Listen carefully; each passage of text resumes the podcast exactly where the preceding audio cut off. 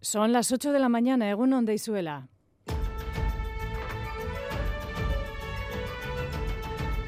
Crónica de Euskadi con Aichiber Bilbao.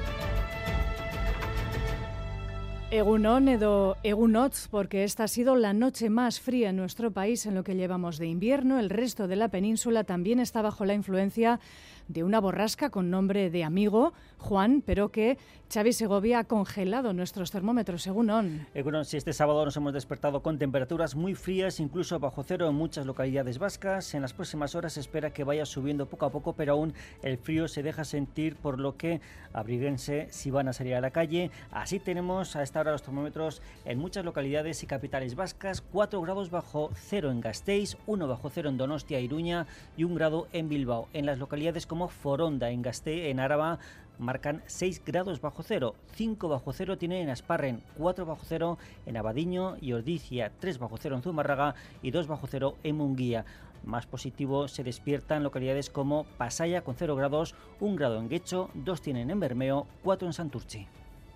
Gracias, Xavi. Completamos ahora la información de servicio con la previsión del tiempo. Egusquiño, Euskalmet, Egunon. Egunon, empezamos el día con heladas generalizadas. Heladas están siendo muy intensas en puntos eh, del interior. Por lo demás, eh, a lo largo del día predominará el ambiente soleado, el viento se irá fijando del sur y poco a poco las temperaturas diurnas se irán recuperando. Hoy las máximas serán algo más altas que ayer, se situarán entre los 7 y los 11 grados. El frío, sin embargo, no ha sido obstáculo para que la fiesta estallase anoche en la Plaza de la Consti en al son de la marcha de Sarriegui.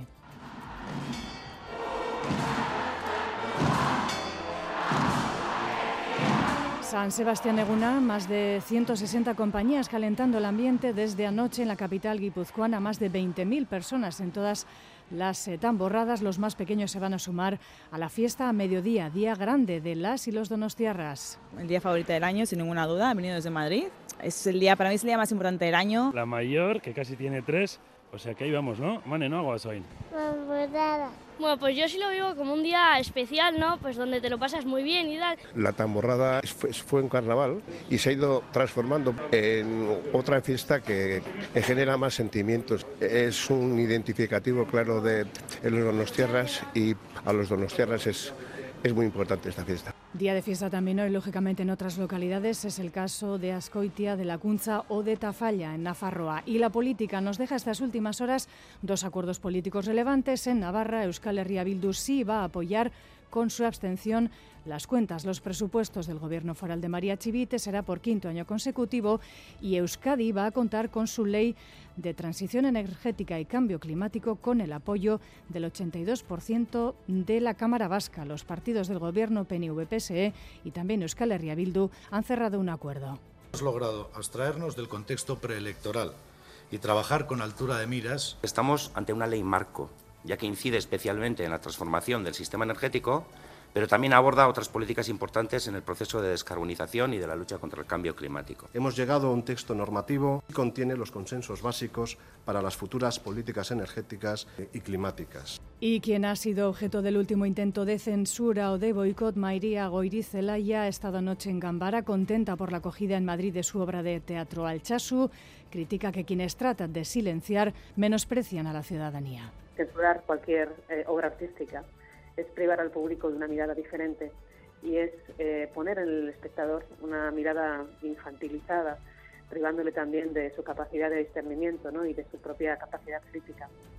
Vamos ahora con los titulares del deporte. John Zubieta, Egunon. Egunon, empezamos hablando del encuentro disputado por el Alavés ante el Cádiz, que terminó con el resultado de 1-0 gracias al tanto de penalti anotado por Rioja.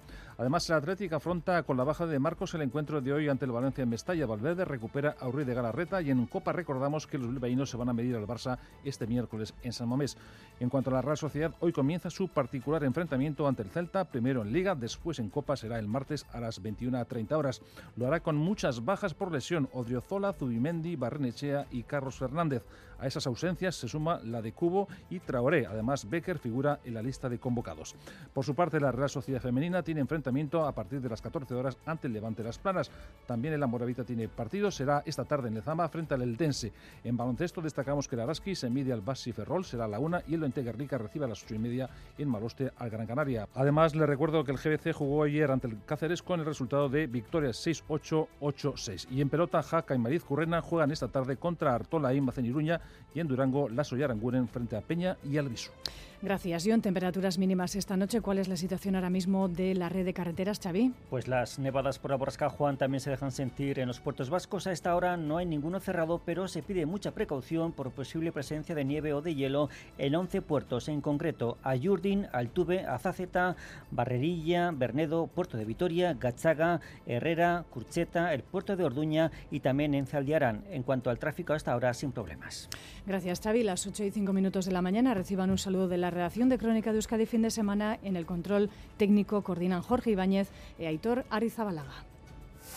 Crónica de Euskadi con Aichiber Bilbao.